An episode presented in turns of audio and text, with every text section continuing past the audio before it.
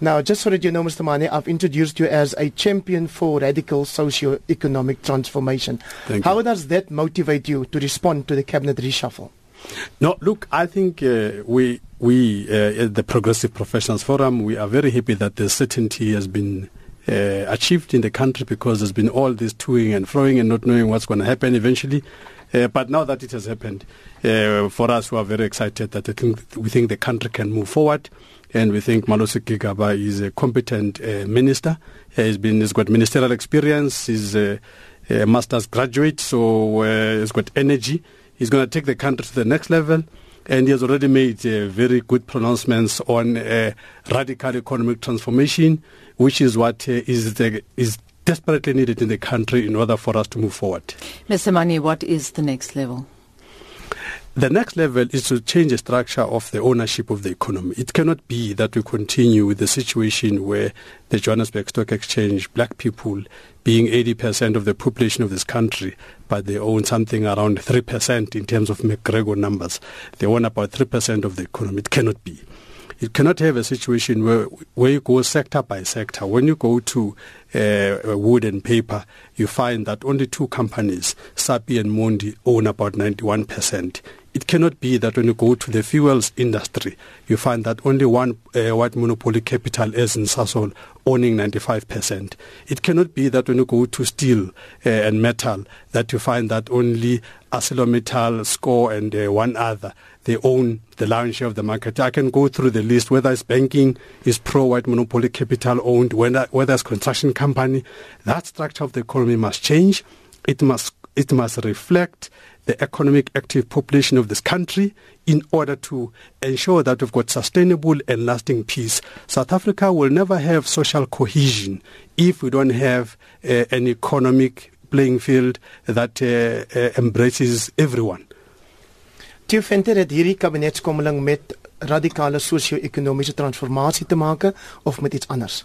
Nee, ek dink dit het heeltemal met iets anders te doen. Ek dink um, radikale sosio-ekonomiese transformasie is 'n cover. Dit is 'n justifying act vir president Zuma om maar net meer loyaliste in die in die kabinet te kry. Loyaliste om te doen wat hy uiteindelik gedoen wil hê. Ek verskil nie met meneer Manie oor die noodsaak vir radikale ekonomiese transformasie nie. Die grondkwessie is 'n belangrike ene. Uh werkloosheid en die skep van werk is baie belangrik. Die skep van klein sake is 'n baie belangrike faktor, maar waar ek met meneer Manje verskil en waar ek met die president verskil, as jy dit gedoen wil kry, dan moet jy die ekonomie laat groei. In 'n groeiende ekonomie kan jy herstruktureer. Maar terwyl die ekonomie sywaarts beweeg en terwyl jy politieke onsekerheid verhoog, wat 'n nadeel het op ekonomiese groei, gaan jy eenvoudig die herstrukturering van die ekonomie nie regkry nie. En onthou ons het die eerste keer 'n duidelike definisie gekry van radikale sosio-ekonomiese transformasie in president Zuma se staatsrede op die 9de Februarie waar hy vir ons duidelik gesê het: "Die volgende goed wil ek graag herstruktureer, geldig, goeie goed." Die vraag is: wat volg op wat? Ehm um, ek stem met hom heeltemal saam dat daar is skeeftrekkinge in die ekonomie, maar jy kan hierdie goed net regstel as jy ekonomiese groei stimuleer. I've heard him very well. Okay. Yeah, I This is think. I think I think I think let's be honest in South Africa. In the 80s, we've had uh, jobless growth. Uh, so the fact that you grow the economy is not automatic that it will be an inclusive economy. So when we talk about transformation, we do not want any more to do this thing of first grow, then transform. No, it cannot be because of, we've been in that space before. It did not deliver. Now we want to do everything in tandem. You need to ensure that uh, everybody in the country puts shoulder on the wheel. We grow the economy together so that everybody Nee can nee man, nee, appreciate. ek verskil met jou. Kyk, in Kan- die kan- 80s kan was net- daar 'n ander kan- kan regering. ek net- laat laat ek Let klaar him maak finish. want hier is Ja. nie 'n debat nie, dit is 'n uh, onderhoud wat ons met julle twee voer. Make your point. Yeah, yeah. Look, I, th- I think I, th- I think we must uh, we, we cannot have a situation where it's one after the other. No, this this whole story about grow the cake first. We are saying that is out. Cannot grow the cake first. We want to grow the cake together. We want to make sure that all South Africans have an equal responsibility. We don't have any children here that wait for me. I'm an adult. Let me go and get some sweets from the shop until I get from the shop. Uh, there are no sweets. We do not want that. We do not want to be patronized uh, as these little children that must wait for some adult to bring sweets. Fact of the matter is that we needed this radical economic transformation because at the center of this is national treasury. And let's be very clear that the National Treasury since 1994 has actually performed badly in terms of the economy of this country, despite it being heaped praises. And I can give you the numbers that when we started in this country, we had an exchange rate of some something like three rand to a, do, to a dollar. Uh, something like that. Today we're sitting at 13 rand, uh, as it were.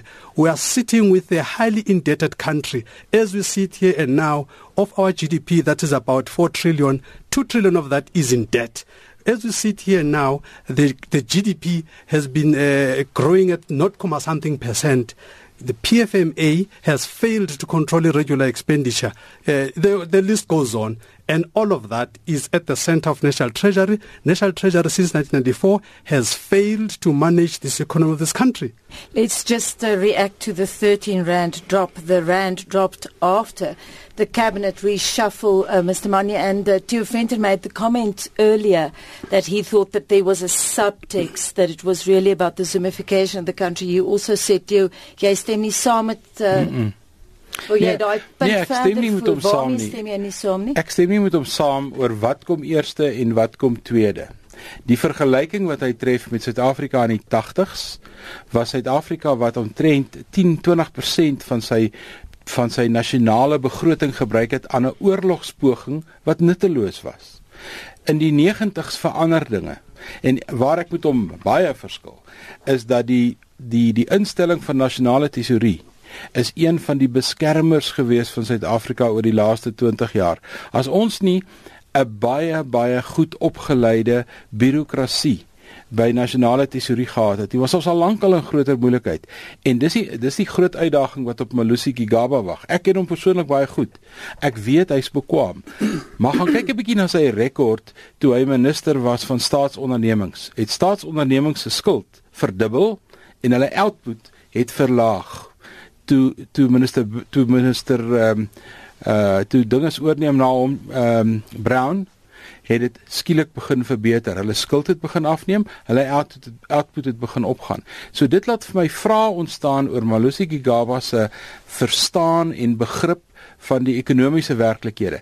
En nou kom die laaste punt en dit is Nasionale Tesourie is 'n baie bureaukratiese departement wat drie komponente het: SARS, Nasionale Tesourie of die die departement self en natuurlik die Reserwebank wat onafhanklik staan. Daardie drie moet as 'n geheel gesien word en ek is bevrees wat president Zuma nou reg gekry het. Hy het finaal sy hande gekry op die staatskus. Would you like to react yeah, to look, those I points? Think, I think it's very treasonous to make those kinds of statements uh, as if the president is here to steal anybody's money. I think in fact what this says it actually uh, gives an impression that actually treasury was being looted all these years.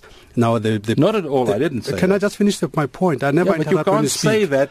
I didn't just say it was looted on. all of those years. No, no, that's what I am saying. That okay. the impression is now given that Treasury has been looted all these years. Now, people that have been looting Treasury are now worried that other people are going to do what they've been doing. That is a problem. We c- it cannot be that if you've been stealing all this time, you think everybody else is a thief uh, uh, uh, and, and all that. I think what, what the president has done is correct in order to bring the necessary impetus, the necessary radical economic transformation, and Treasury is at the center of uh, uh, making sure that this happens because Treasury controls the purse strings of the country. So the prioritization of budget is what is going to talk to radical economic transformation, the policies that Treasury is pushing in terms of the Constitution. By the way, there is this notion that is government policies. No, no. Yes, it's government policy, but it is spearheaded by National Treasury. So the responsibility by, of National Treasury to make sure things come right cannot be taken away. Mzwanele Manyi, um, what Theo Venter also said was that he questions Minister Gigaba's understanding of economic realities based on the fact that the debt of the state-owned enterprises doubled while he was minister mm. of the SOE. Yeah, look, I think I think here I, I, I'm glad that he mentions this because you must look at the constitution of this country, section 216, and look at who's got responsibility of those kinds of issues. State-owned enterprises, whether they borrow money and all the financial affairs are actually managed by National Treasury in terms of the Constitution. Have a look at it, Section 216. So therefore, if any state-owned enterprise... But then there's no need for a minister Can I just finish? Can I just finish? How come? Why can't you hold yourself? Because just I can't hold, hold yourself no, while you're no, talking a lot no, of nonsense. Don't do this. Don't do this. Don't just do finish this. your sentence. I thought you were a professor. Uh, look, I think it's, it's, it's important that we understand that uh, even even SAA, even Eskom, the guarantees and everything, all of that must get a national treasury sign off. So if there is mismanagement of funds, it talks to who is at the center of managing the strings. State-owned enterprises are controlled by government, I mean, but controlled by national treasury, including procurement, is now even being centralized. So the centrality of national treasury cannot be understated. So if anyone is not performing financial-wise, the buck must stop with National Treasury because they have the constitutional mandate to stop transfers of funds. They have the constitutional mandate to, to, to red card anybody. Nobody else can do this. It's only National Treasury. So if you are complaining about a, a mismanagement and a poor management of funds, you are actually red carding National Treasury. As jy pas by ons aangesluit het, ons praat ver oggend met Mzwanele Manyi van die Progressive Professionals Forum. Hy's 'n kampvegter vir radikale ekonomiese transformasie en dan praat ons ook met 'n ou bekende beleidsspesialis en analis Theo Venter van die Noord Universiteit Sakeskool. I want to get back to a previous point that was made by Theo, but I have to tell you Mzwanele that our listeners also make this point. It has been made on social media. Many South Africans and I'm talking across the board and I'm talking about across classes have made the point that this has got nothing to do with radical economic transformation. The subtext is the Zumification of South Africa. What is your reaction no, to that? I, th- I think I think I think I think uh, these the people that say that are, are, are, people that have been defeated in democratic processes. Let's understand that uh, South Africa, as we sit here and now, is sitting with African National Congress controlling 62%. So the 40% that uh, has always been failing to achieve the governance of this country will continue to denigrate everything that the, the ANC is doing. Within the ANC, all the leadership of the ANC has never been, uh, uh, uh, the president of the ANC has, never been uh, elected on a, on a in unanimous basis. There's always been uh, some kind of a ratio. In Polokwane it was 60-40. In Mangaung it was 75-25. Therefore, there's always been those that have not been where they thought they would be, and there are those that never recover from these kinds of things. So, indeed, the cross section will largely be focused on uh, from the people that have uh, have been on the receiving end in terms of democratic processes. So it should be expected. But what are the facts? The facts are that we're sitting here today with a growing number of people that are in grants uh, and, and, and so on. We're now sitting at a, a big figure of something like uh, 18 million or just around there. When we started this democracy, there were about 2 million. Now they're about 18 million. This just means that uh, we are not getting better. Uh, in terms of making sure that uh, the growth of the uh, of growth of jobs is, is happening. It's not happening. Uh, and all that. So, what is it that must happen uh, that is fundamentally different? Because what we've been doing for the past 22 years must change. I just want to ask you one other thing. You were saying, you know, people who have this other argument about subtext don't they, they, they've lost in terms of the democracy. They're not the majority. But what about criticism from within the ANC? But Barbara Hogan coming yeah. out, the Kathrada funeral, you Yeah. know, the fault, the fault lines were crystallized. You there. know, you know those people. To be honest with you, you can go to them one by one. They all have their personal vendettas, one by one. Without being funny, Barbara Hogan was dismissed from cabinet, so therefore she has an act to cry. You can go through them one by one, uh, those people. So there's nothing uh, uh, necessarily genuine about what the, the, these people are raising. Uh, and all that. They, all of them have got an axe to grind. The issue is uh, what is it that the organization is saying? Uh, and I think uh, today, in fact, uh, uh, the ANC is sitting, uh, the National Working Committee. Let's hear what the ANC is going to say as a collective. So the individuals that have got uh, personal vendettas, uh, we can never finish them. Toe Venter, wat dink jy gaan die nasionale uitvoerende komitee of die nasionale werkkomitee van die ANC vandag sê oor die aantal veranderinge wat aan die kabinet aangebring is? Ek dink daar's baie min wat hulle kan sê. Hulle gaan 'n baie intense vergadering hê. Ek dink meneer Zuma het vir hom in 2012 'n soort van 'n politieke waarborg gekoop toe hy die nasionale werkskomitee en die nasionale uitvoerende komitee eintlik gehandpick het. Dis sy dis sy mense. Die kanse dat die nasionale werkskomitee vandag teen meneer Zuma gaan praat of teen die kabinets ehm um, aanstellings is baie skraal. Ek dink daar gaan so 'n sagte paradoksale uitspraak gemaak word amper soos wat meneer Manje nou die hele tyd gepraat het. Dit is 'n lewende teenstrydigheid. Jy doen die een ding en jy probeer dit kombineer met 'n ander ding. Ons gaan dit vandag kry en al wat dit gaan veroorsaak, dit gaan die politieke onsekerheid verdiep.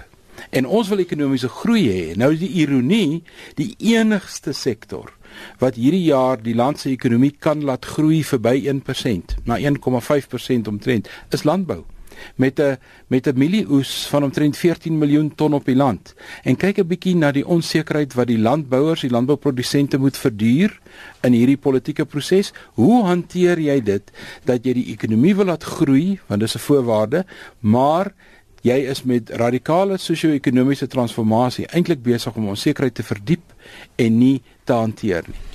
Continuous political insecurity as a result of the cabinet reshuffling. No, not at all. This is certainty. I think what we have here, we have people that cannot accept leadership. Uh, that has, has, has come through democratic processes. People continue to oppose President Zuma, uh, despite the fact that because he's a bad president. But this man, uh, because uh, President Zuma has been has been democratically elected, and I think we must respect democracy. Uh, in this country, uh, and and I think the what President Zuma has done in terms of we, we said President Zuma must respect the constitution. Now, when President Zuma is respecting the constitution, Section 91 of the Constitution, subsection two, gives him the the right to appoint cabinet and to to dismiss ministers or deputy ministers. Now, when he's exercising that right, all of a sudden uh, everything is wrong. We cannot, we mustn't be hypocrites in this country. When we say the president must observe the constitution, we must we must observe it A to Z, not certain parts and not other parts. Uh, uh, uh, can I just respectfully um, indicate that we have 60 seconds before we have to go for news headlines? But I want to give you an opportunity to tell us why you think it was necessary for the president to change that number of ministers. Is that an indication of underperformance?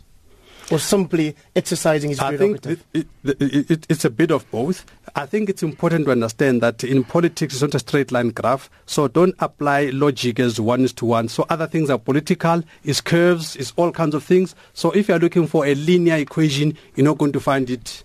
Is there a section world curve in that um, explanation of yours? I think there's a big anti-Rupert curve. Nee, ons gaan later voort met hierdie gesprek. Ons praat ver oggend vir luisteraars wat pas ingeskakel het. Ons praat met Mzwanieli Manyi van die Progressive Professionals Forum. Hy's 'n kampvegter vir radikale ekonomiese transformasie. En dan praat ons ook met die politieke kommentator en beleidsanalis Theo Venter. Hy's van Noordwes Universiteit se Sakeskool. Bly ingeskakel vir hierdie gesprek. Ons gaan na die hooftrekke terugkom daarna toe. Dis nou 6:30. Jy luister na Monitor elke weekoggend tussen 6 en 8.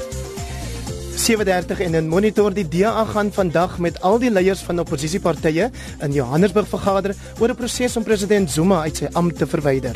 Suid-Afrikaners is gevra om 9 uur aan 'n massa saamtrek op Kerkplein in Pretoria deel te neem. En sommige kinders meen skaliegasontginning in die Karoo kan 'n ekonomiese inspuiting wees. Indien die skaliegas wel gevind word, sou dit noemenswaardige voordele vir die land inhou. Sê dat ons dan nie verder energie hoef in te voer ons elke dag doen nie en dit moet die ekonomie biljoene rande per jaar spaar.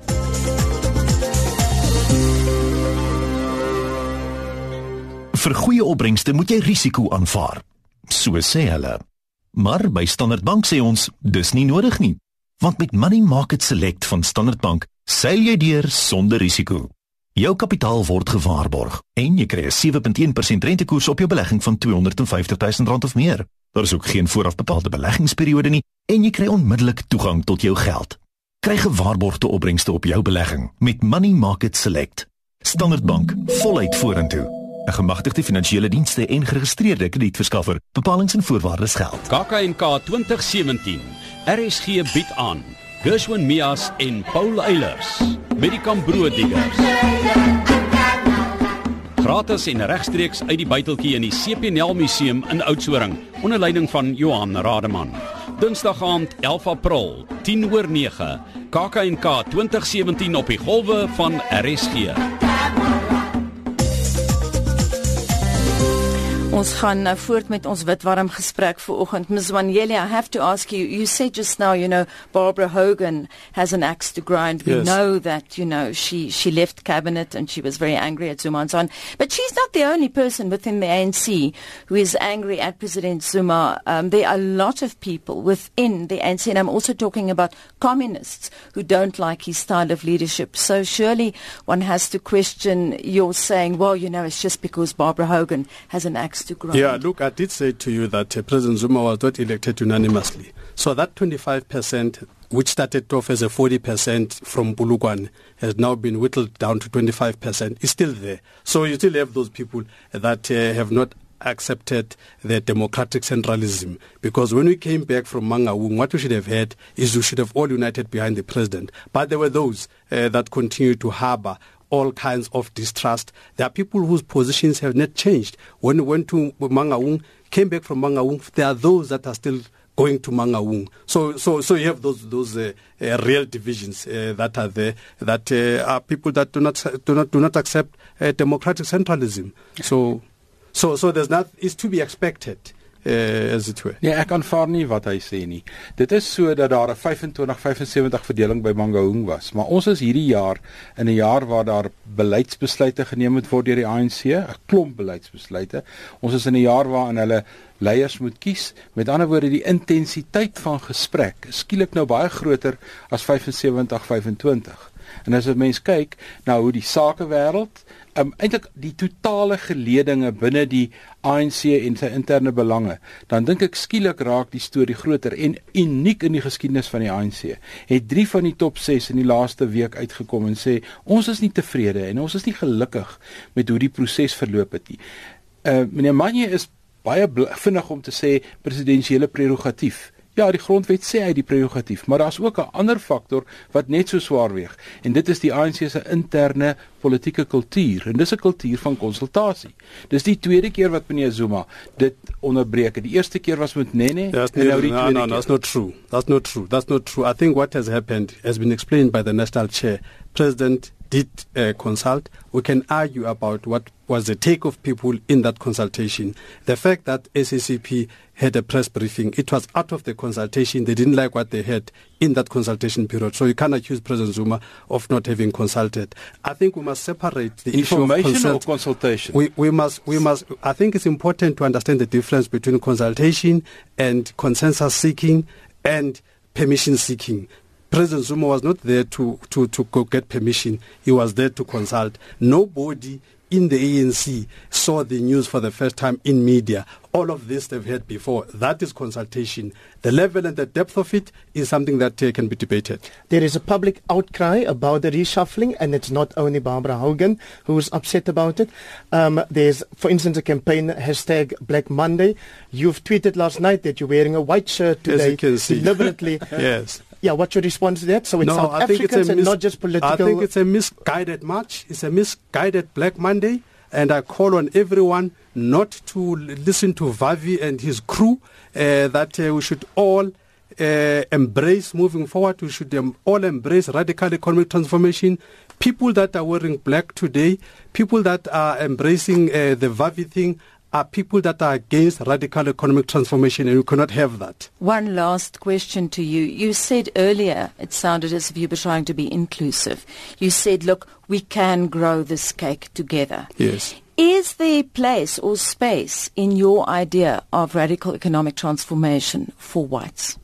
Oh yes, definitely. I mean, if you, even if you look at BEE, for instance, which has been rubbished, uh, but if you look at BEE, what is a black company? A black company is 51% black owned, 49%, a whooping 49% is white. So there's nothing that uh, is excluding uh, white people uh, in, in, in, in, in South Africa.